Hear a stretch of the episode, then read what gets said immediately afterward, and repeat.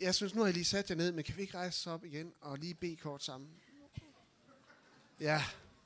Yes. Det er ren manipulation.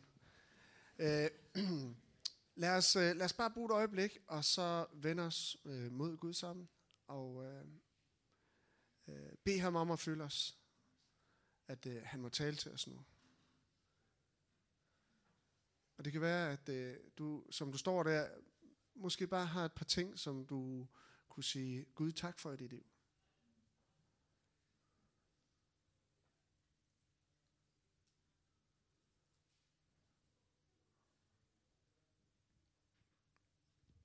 Vi takker dig, Jesus, at du er her.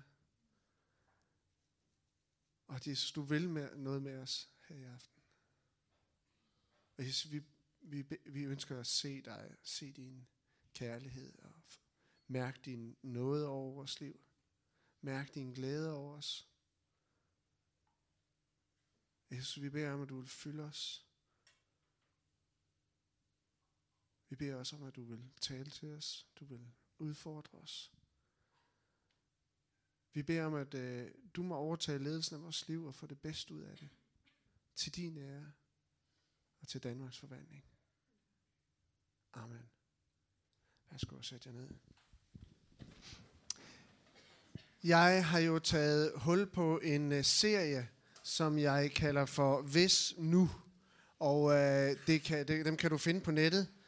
Øh, og jeg vil bare sige, at det her Hvis Nu tema, det handler om en længsel efter fuldt ud at leve det spændende liv, som Jesus dagligt ønsker at lægge til rette for os. Det handler om at optrappe forventningerne om, at vi med vores liv og ja, alle vores begrænsninger må gøre en tydelig forskel der, hvor vi færdes. Og jeg, jeg længes så meget efter at se mennesker komme til tro i København, i Danmark, i hele Norden. Og jeg vil også, jeg må også erkende og indrømme, jeg er så utålmodig. Min længsel og min utålmodighed, den kan nærmest, øh, den kan næsten nærme sig desperation. Nu når, om, når jeg står op om morgenen, og så kan jeg se nogle nye grå hår. Jeg opdager tre nye leverpletter, og øh, jeg kan bare mærke, hvordan tyngdekraften hiver mit ansigt nedad, og jeg ved, hvad der kommer, og vandladningsbesvær, høreapparat. Det er alt sammen på vej. Øh, og så øh, tænker jeg på en rigtig dårlig dag, så tænker jeg, snart sidste udkald, Flemming. Det er bare op over. Øh, det er op over virkelig at få gjort en forskel. Det er nu. Og så på en god dag tænker jeg, Jesus, forbarm dig over mig. Lad mig vandre i dine øh, forberedte gerninger. Jesus, tag mig med i dag på din vandring. Helligånd, led mig til at bruge min tid rigtigt. Gud, du ved hvordan. Alene, jeg har bare en tid tilbage, og den skal gøre en forskel. Og det er nogle gange den her utålmodighed, det er på bekostning af visdom. Øh, for eksempel da jeg nu her i ugen for tredje gang nede i træningscenteret inviterede en amerikansk professionel basketballspiller, som er, ja, han er jo bare kæmpe høj. Øh, og øh, hans, øh, altså hans overarm, de er jo øh, på størrelse med begge mine små lår til sammen. Han er baptist, og jeg for tredje gang, så har jeg inviteret ham med i vores netværksgruppe. Altså, jeg bliver bare ved, indtil han overgiver sig. Eller her i ugen mødte jeg en øh, midalderne ingeniør i Kalumborg. Og ved I hvad? Han troede ikke på Gud.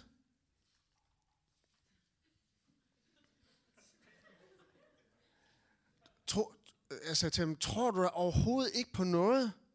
Øh, nej, lød svaret så. Så sagde jeg, så er det bare tid, Knud. Så er det nu. Det er jo lige præcis nu, du skal begynde at tro på Gud, Knud. Det er jo for dumt ikke at tro på Gud, Knud. Du har jo alt at vinde og intet at tabe. Farvel, svarede han. Og, og måske er jeg en lille smule mere utålmodig end vis, tænkte jeg på vejen hjem, og jeg diskuterede så videre med mig selv, forsvarede lidt mig selv, tænkte, men han krasser jo relativt snart af.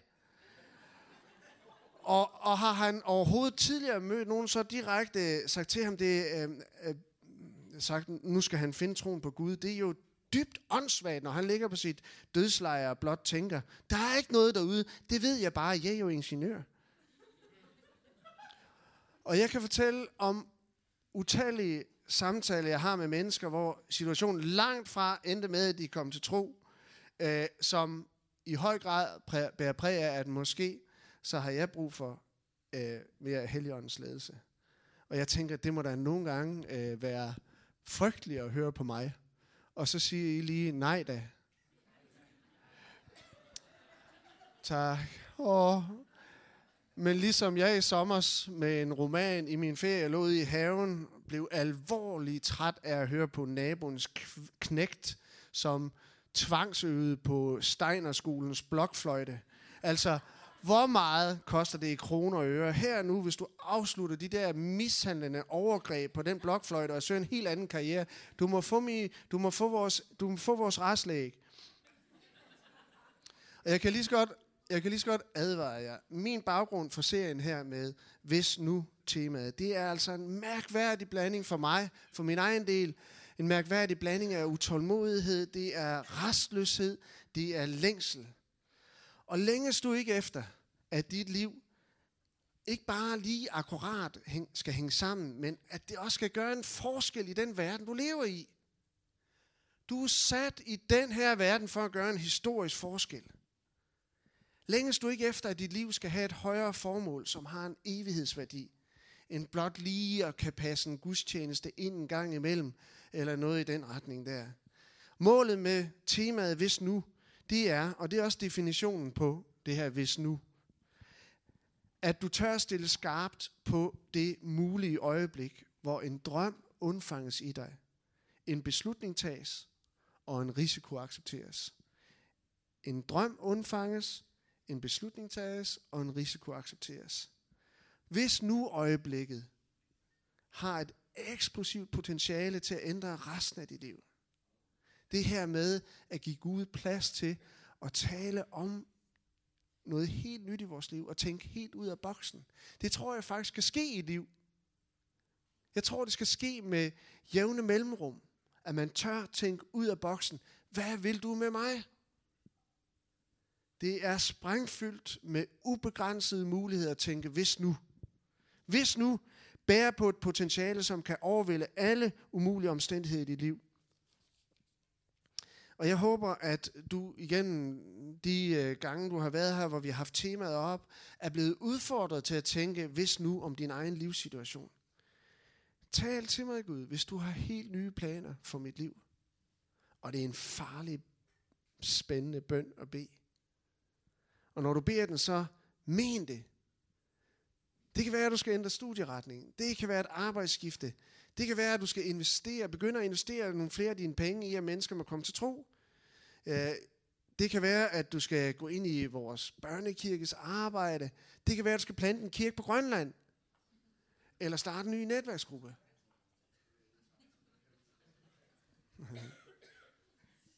Og jeg vil gerne i dag komme konkret ind på, hvordan vi kan forberede os på det her. Fordi nogle gange så går vi og tænker, åh, der kunne ske måske det vildeste i vores liv. Men lige nu og her står jeg i dag. Hvordan skal jeg overhovedet nærme mig det her eventyrlige liv? Men lad mig bare endnu en gang udfordre dig, som tænker, nu har jeg endelig fået styr på mine prioriteringer. De store valg i livet, de er planlagt. De har taget form. Jeg ved, hvad jeg vil studere. Jeg forventer et bestemt arbejde. Jeg tror, min økonomi er kommet i orden. Jeg har gode relationer. Bed, hvis nu Gud, og spørg dig selv, hvis Gud vil noget helt andet med mit liv, vil jeg så være villig til at forandre alt, hvad han beder mig om. En af mine yndlingshistorier fra Bibelen er yderst øh, relevant, en yderst relevant hvis nu historie, som øh, ligesom, lige så godt kunne være et portræt af en moderne dansker. Han var ikke bare utålmodig og rastløs, men også panisk. Han havde, op, han havde opnået det, som rigtig mange i vores samfund i dag drømmer om. Økonomisk rådighed. Han havde et stort rådighedsbeløb. Indflydelse. Handlefrihed. Status og en overmoden pensionsopsparing. Han havde altid været knivskarp fokuseret og arbejdede benhårdt for sin mål. Han var ekstremt ambitiøs, og han forstod at vride armen om på alt og alle for at nå sine mål i livet. Men gennem en længere periode mærkede han et voksen ubehag. Og så oplevede han, at øh, alle hans livsind, livsmål øh, gradvist blev tømt for autentiske værdier. Hans spejlbillede, forestiller mig, i hans dyre fontæne, stillede ham et skrækindjagende spørgsmål. Var det virkelig det, jeg drømte om? Det personlige netværk var udtømt. Han havde instrumentaliseret alle personlige relationer. De helt store mål om økonomisk frihed, indflydelse, status, huset, det store mål om at få et hus af i København, bankkontoen, det var alle blevet til falske fantasier for ham. Og Jesus kom ind i Jericho og gik gennem byen. Der var der en mand, som hed Zacchaeus. Han var overtoller, og han var rig. Han ville gerne se, hvem Jesus var, men kunne ikke se for skaren, da han var lille af vækst. Så løb han i forvejen og klatrede op i et morbærfintræ for at få ham at se, for han måtte komme den vej forbi. Da Jesus kom til stedet, så han op og sagde, Zacchaeus, skynd dig at komme ned. I dag skal jeg være gæst i dit hus. Så skyndte han sig ned og tog glad imod ham. Men alle, som så det, gav ondt af sig og sagde, han er gået ind som gæst hos en syndig mand. Men Zacchaeus stod frem og sagde til Herren, Se her, halvdelen af, hvad jeg ejer, giver jeg til de fattige. Og hvis jeg har presset penge af nogen, giver jeg det firedobbelt tilbage. Da sagde Jesus om ham, I dag er der kommet frelse til dette hus, fordi også han er en Abrahams søn. For menneskesønnen er kommet for at opsøge og frelse det fortabte. Så den lille Zacchaeus, han valgte for at få en chance for at se Jesus, han valgte at kravle op i det her lille morbærfintræ. En lidt sensitiv, skrøbelig situation. Og det var med et ønske om bare at få et glimt af Jesus. Men det glimt skulle fylde hans hjerte med tro. Zacchaeus, skynd dig at komme ned. I dag skal jeg være gæst i dit hus. Man har svært ved at forestille sig, hvordan de ord netop havde ramt ham. Jesu blik havde været livsforvandlende. Det havde været et hvis nu øjeblik, da han hørte Jesus kalde ham ved navn, og da han inviterede sig selv som gæst i hans hus, mens menneskemængden ventede gnavent udenfor. Og Zacchaeus, han blev fuldstændig omdannet.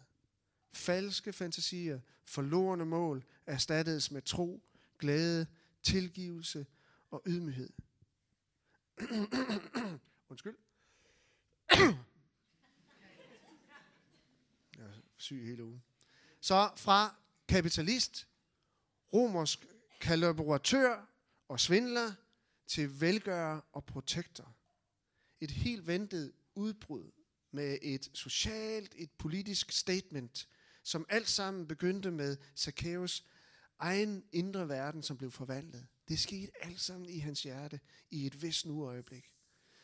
Og ifølge overleveringerne, så skulle apostlen Peter senere have udpeget ham som biskop over Caesarea. Om det er løgn, det ved jeg ikke. Jødedommen anså det for yderst generøst at give 20% væk af sine ejendele. Og Zacchaeus kunne ikke have aflevet sine forlorende mål på en mere konkret måde. Halvdelen af alt det, han ejede, gav han umiddelbart væk til de fattige. Og alle svindlerierne ville blive godtgjort firedobbelt. Og den bedste måde at detronisere materialisme i vores liv, det er at give alle vores penge tilbage til Gud. Dybest set.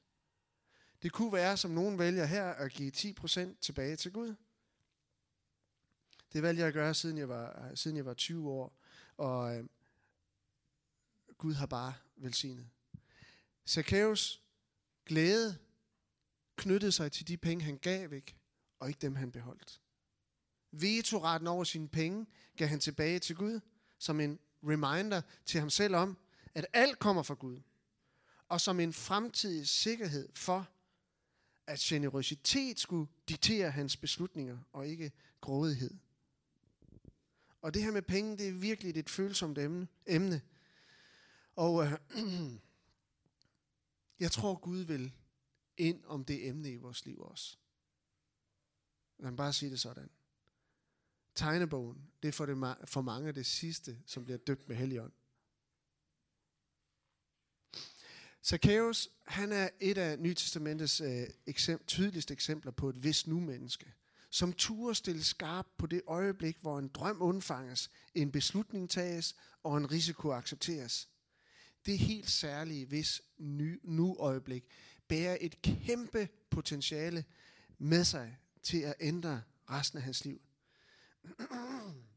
Og jeg vil gerne i dag komme konkret ind på, hvordan vi kan forberede os på det her hvis nu liv. Hvad kan vi gøre? Og det første, jeg vil sige, det er, hvis nu jeg lader mig lede af ånden.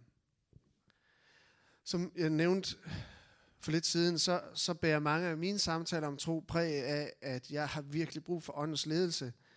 Øh, og jeg fortæller egentlig bare om det, og så regner jeg med, at ånden virker i det. Det bekymrer jeg ikke så meget om. Men jeg er ganske overbevist om, at midt i den her længsel den her restløshed, så vil Helligånden altid sige til dig og mig, nyd rejsen. Uanset hvilken fase du befinder dig i her i livet, så nyd eventyret. Dit liv er et eventyr sammen med Jesus. Hvis du hele tiden er afhængig af næste skridt eller næste event, som skal gøre dig tilfreds, uanset hvad det næste er, så lider du af en destinationsvirus. Vi kan så let blive optaget af når en gang, eller derhen, at vi ikke kan nyde livet her og nu. Og yderligere, så kan dit fokus på nogle bestemte mål forhindre dig i at genkende åndens ledelse her og nu. Og dybest set, tror jeg, så behøver du og jeg ikke vide så meget om, hvor vi skal hen, og hvad vi skal gøre. Det er Guds ærne i vores liv. Han vil lede os. Så finder vi ud af det. Bed den farlige, spændende bøn. Send mig, og han vil lede dig. Han forbereder alle gode gerninger på forhånd, og vi kan lade Helligånden vise os vejen. Nogle gange så giver Helligånden os tilskyndelse til at sige noget, andre gange til at holde mund. Men husk på, som et hvis nu menneske. For efterfølger af ham er hvis nu mennesker. Husk altid på, at du er et andet menneskes mirakel. Du er kaldet til at være et andet menneskes mirakel. Og jeg tror, at ånden kan strategisk placere os på det rigtige sted og på det rigtige tidspunkt, som giver os en oplevelse af, en indsigt i, at vi ikke kun er styret af tilfældigheder, ligesom Zacchaeus oplevede det, og på en enkelt dag ændrede resten af sit liv. Man kunne kalde det for, åh, oh, du er sød, jeg ved ikke, om det hjælper.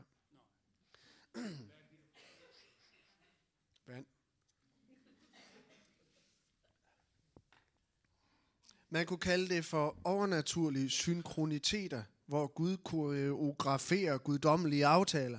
Det står heroppe. Jeg havde en oplevelse, som fuldstændig forandrede mit liv. Jeg var en, øh, en gang en, jeg skulle sige pæn ung mand, men bare en ung lille mand, i, og var i gang med at plante den første kirke, var øh, lige blevet præst, og alt var nyt, og sat i en, øh, en landsby i Jylland og skulle forsøge at plante en kirke der. og så skete der noget katastrofalt i den by. Jeg havde kun været præst i kort tid. Uh, en uh, ung mand på 19 besøger kæresten i en frokostpause på lo, uh, det lokale kollegium. Og uh, samtalen endte med, at han kvalte hende med, led, med en ledning fra en fyntør.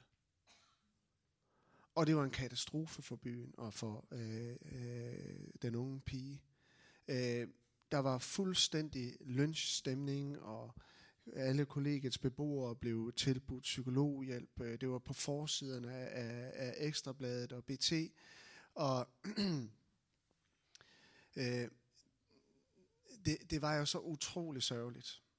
Og øh, jeg var prædikede i Sønderjylland og kørte en sen aften på vej tilbage. Og mens jeg sad der i bilen, så hørte jeg en, øh, en sang, som handlede om at være ude på oprørt hav, men finde ind i tryghavn. Det Det var det, sangen handlede om. Og pludselig, så, øh, fik, så slog det bare ned i mig, at øh, den her unge mand, som i affekt havde kvalt sin kæreste i jalousimor, øh, at han, ham var der ingen, der på nogen måde holdt af, eller så noget håb for. Og øh, jeg følte, som jeg sad der i bilen, jeg kørte timevis, at Gud talte til mig om, Flemming, ham skulle du opsøge i fængslet. Det vil gøre en forskel, hvis der er en, der opsøger ham, og en præst kommer og siger til ham, der er håb. Hold ud. Og jeg ved ikke med jer, men sådan er det nogle gange med tilskyndelser, at dem kan man sætte et lille smule på vent. og det gjorde jeg også. Og så stod der en pige fra kirken en dag øh, hjemme hos os og sagde, Flemming, har du hørt det? Har du hørt det? Øh, han har taget sit eget liv i fængsel. Og der stod jeg. Og øh, det, var, det hele var så sørgeligt. Og i det øjeblik der, så havde jeg et hvis nu øjeblik. Hvis ånden leder mig til noget, så vil jeg handle. Så vil jeg følge. Det var et hvis nu øjeblik for mig. Helligånd, kom og led mig. Har jeg gjort det siden? Altid nej. Men det er mit mål, at jeg må handle på åndens ledelse. Jeg gik ned og tog mig sammen og gik ned og besøgte familien og forsøgte at stå sammen med dem i sorgen og sagde, jeg tror på, at der var en, der tænkte på ham. Hvis du vil være et hvis nu menneske, så må du være i forventning om, at du kan blive et andet menneskes mirakel. Ting nummer to. Hvis nu jeg griber håbet.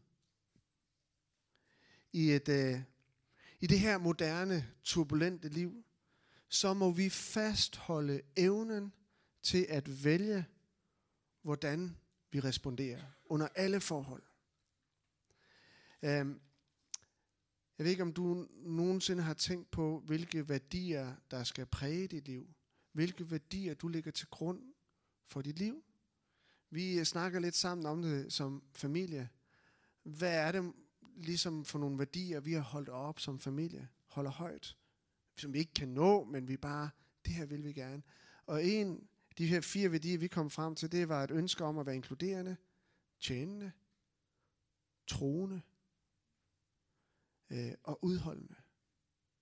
Jeg hørte om en anden familie, som havde nogle værdier som taknemmelighed, ydmyghed, generositet og mod. Det var ligesom nogle pejlemærker for dem. Fantastisk øvelse. Jeg kun opmunder dig til at tænke over det.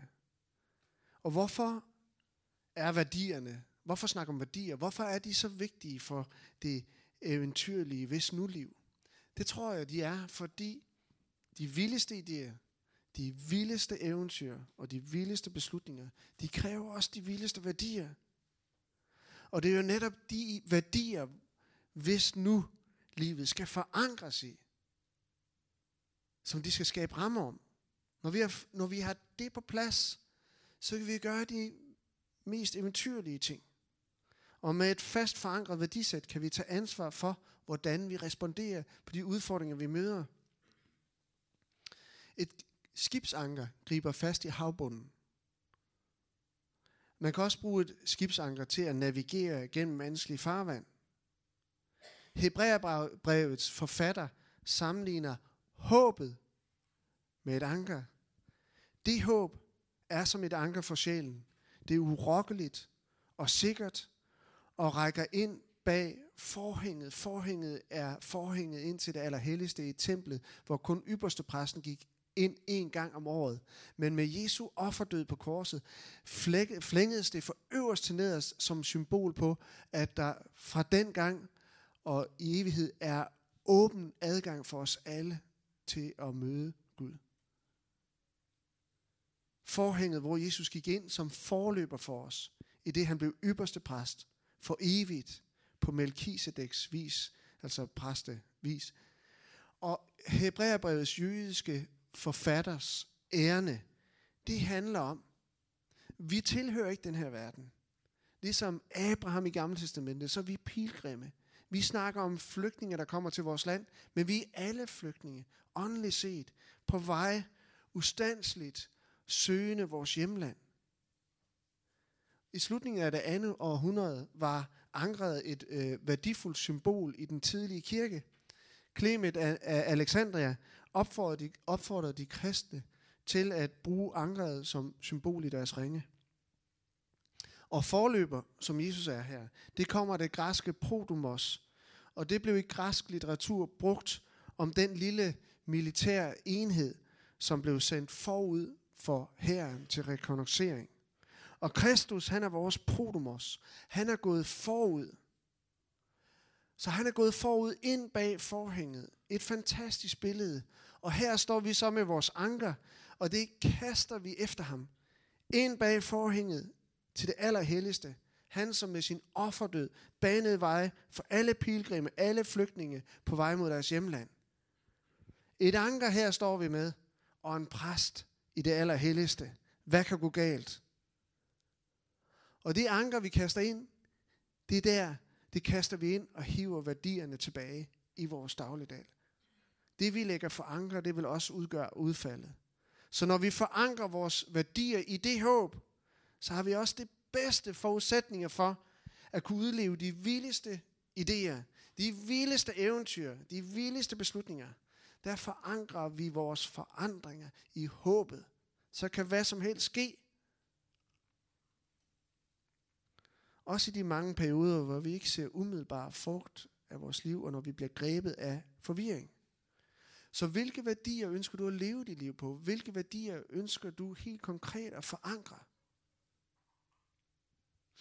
Paulus han opmunder os i Romerbrevet 8:25 til at forankre håbet med stor udholdenhed. Men vi håber på det, vi ikke ser. Vi venter på det med udholdenhed. Så altså det. Opsummering. Vi skal lade os lede af ånden, og vi skal være forankret i håbet. Hvilket leder mig til tredje og sidste punkt.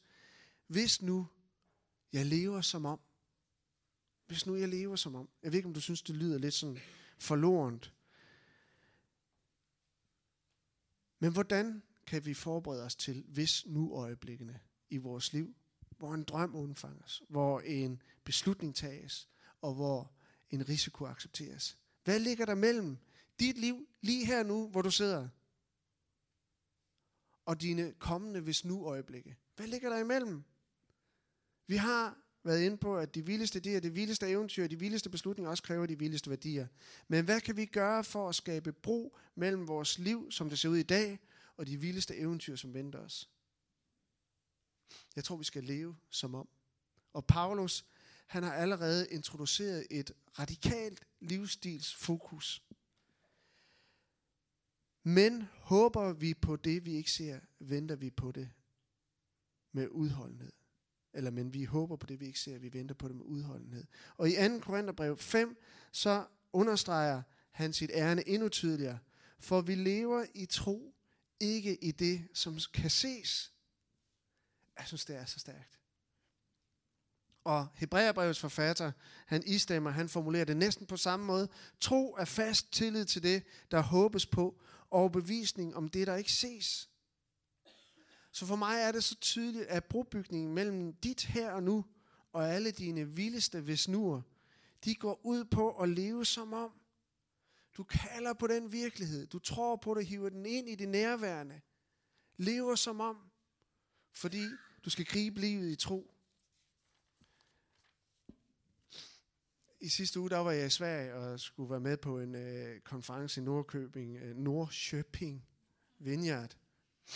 Og om morgenen der, så stod jeg op, og øh, jeg boede der sammen med Alan Scott, som er leder af Causeway Coast i Nordjylland, som jeg har kendt i, i mange år. Det er en fantastisk kirke, det er den hurtigst voksende vinderkirke i Europa. De ser hele skoleklasser komme til tro. Jeg kan love jer, han tænker, hvis nu, hvis nu lige hele skoler blev kom til tro, hvis nu hele firmaer de blev øh, kom til tro. Og så sad jeg der, fordi jeg er så meget anderledes en type, end han er. Jeg sidder bare der og kommer over den eksistentielle morgendepression, ikke? Og så kan man, så kan man høre nedenunder, og han er ved at stå op. Så brøler han lovsang ud. Og jeg kigger på min ven Henrik. Hvad sker der? Han lovsynger, som om han skulle dø i morgen. Som om, tænkte jeg, ikke?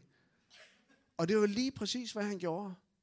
Han står ud af sengen, og han lovpriser, han råber til Gud, og han forventer, at det jo netop er i dag, at hele verden den skal bøje knæ for Gud. Hvad er det for en indstilling? Det er bare noget anderledes end min morgenkaffe med et kvarters godmorgen tv, indtil jeg får set nyhederne, og så går jeg i gang. Men er det ikke det samme disciplinerne, de gjorde, når de lagde hænderne på syge? Som om. Er det ikke det samme, disciplinerne gjorde, når de blev bedt om at øh, bespise tusindvis af mennesker med to fisk og fem brød? De levede som om Guds rige allerede var nær. Ligesom Paulus har sagt, ikke tid til at gifte jer. Jesus han kommer snart. Jeg synes, I skal gifte jer. Men jeg tror, at vi lever alt for lidt som om, og dermed, fordi vi ikke lever som om, så nedsmelter vi alle de visnuer, som Gud gerne vil fylde vores liv med. Så tænk dog ud af boksen. Og lad være med at tænke, og, og, og, og altså der, vi diskvalificerer os selv, og vi tænker, vi er fejlslagende, og det kan jeg da i hvert fald ikke. Tænk ud af boksen. Hvordan kan du overhovedet blive et andet menneskes mirakel, hvis ikke du lever som om? Andy Smith fra Belfast Vineyard var her og tale for et par år siden. Han sagde, you are the project. Jeg tror, der er mange af jer, der kan huske det. Den ene sætning, you are the project. Du er projektet. Gud vil, at du skal leve som om, og du skal være et andet menneskes mirakel. Albert Einstein sagde, there are only two ways to live your life. One as if nothing is a miracle. The other as if, every, as if everything is. Jeg er egentlig ikke ret god til at snakke. Dynamikken med at leve som om alt er et mirakel. Gør du det, så vil du faktisk opdage alle miraklerne omkring dig. Fordi vi lever i tro, ikke i det, som kan ses. Så du hiver det ind. Lev som om du gør en forskel. Og som om den himmelske verden ser på. Måske det fordi, vi ikke lever som om, at vi har svært ved at tale om vores tro og træder os selv over tæerne, når anledningen opstår. Kom on, mand. Vi skal fortælle om det, vi tror på. Det, som hjertet er fuldt af, skal munden løbe over med. Vi skal fortælle om det. Så kan Helligånden bare være med, hvis den vil. Sådan har jeg det. Så gå dog til den. Sæt dig et mål om at invitere en ny med til gudstjeneste eller netværksgruppe. Hver uge, da Anna og jeg startede en netværksgruppe, så tænkte jeg, jeg vil spørge en hver uge og jeg er endnu ikke blevet smidt ud af træningscenteret. Mange takker nej, og hvad så? Mange takker nej, og synes ikke, det er spændende. Hvad så? Jo mere du bekymrer dig om, hvad folk tænker om dig, jo mindre omsorg viser du dem. Jo mindre, jo mere du bekymrer dig om, hvad folk tænker om dig, desto mindre omsorg viser du dem. Vi er ikke her for at please mennesker. Jeg er ikke her for at please jer. Vi er her for at ære Gud. Og det betyder, du må leve som om Kristus blev korsfæstet i går, opstød for døden i dag og kommer tilbage i morgen. Som om Kristus blev korsfæstet i går, opstod for døden i dag og kommer tilbage i morgen. Og lad mig gentage, du er en andens mirakel. Gud vil, at du skal bringe hans mirakler gennem dig. Og det er interessant i Bibelen at se, at farisæerne de relaterede til folk, som de var, hvorimod Jesus relaterede til mennesker, som om de var. Apostlen Peter, han var jo virkelig, for mig forekommer han meget umoden, fremfusende, sådan idealist, der hisser sig op og undskylder bagefter. Men Jesus han valgte at kalde ham for klippen. Og så er der de her to mama boys, Jakob og Johannes. De er jo virkelig mor og streng, ikke? Men Jesus han valgte at kalde dem for tordensønnerne. Og de levede virkelig op til deres kælenavn. Jakob var den første disciple, øh, som, mener man, som endte som martyr. Og Johannes, han kunne næsten ikke finde ud af at dø. Han skrev åbenbaringen, som er fyldt med lyn og ild, tordensønderne. Og det, som var helt afgørende for deres tre års samvær med Jesus, det var, at han relaterede til dem, som om de var, og så, hvad de kunne blive det til. Det var akkurat den samme oplevelse, som ramte Zacchaeus lige i hjertet. Han så, hvad Zacchaeus liv det kunne blive til. Og har vi ikke alle sammen brug for det? Har vi ikke alle sammen på et eller andet tidspunkt brug for, at der er nogen, der tror mere på os, end vi selv gør? Hvad, nu, hvad vil der ske, hvis du begynder at relatere til dine venner, til dine studievenner din familie, som om de var? Du må leve som om Kristus blev korsfæstet i går, opstod for døden i dag og kommer tilbage i morgen. Vil du være en andens mirakel? Skal vi rejse os?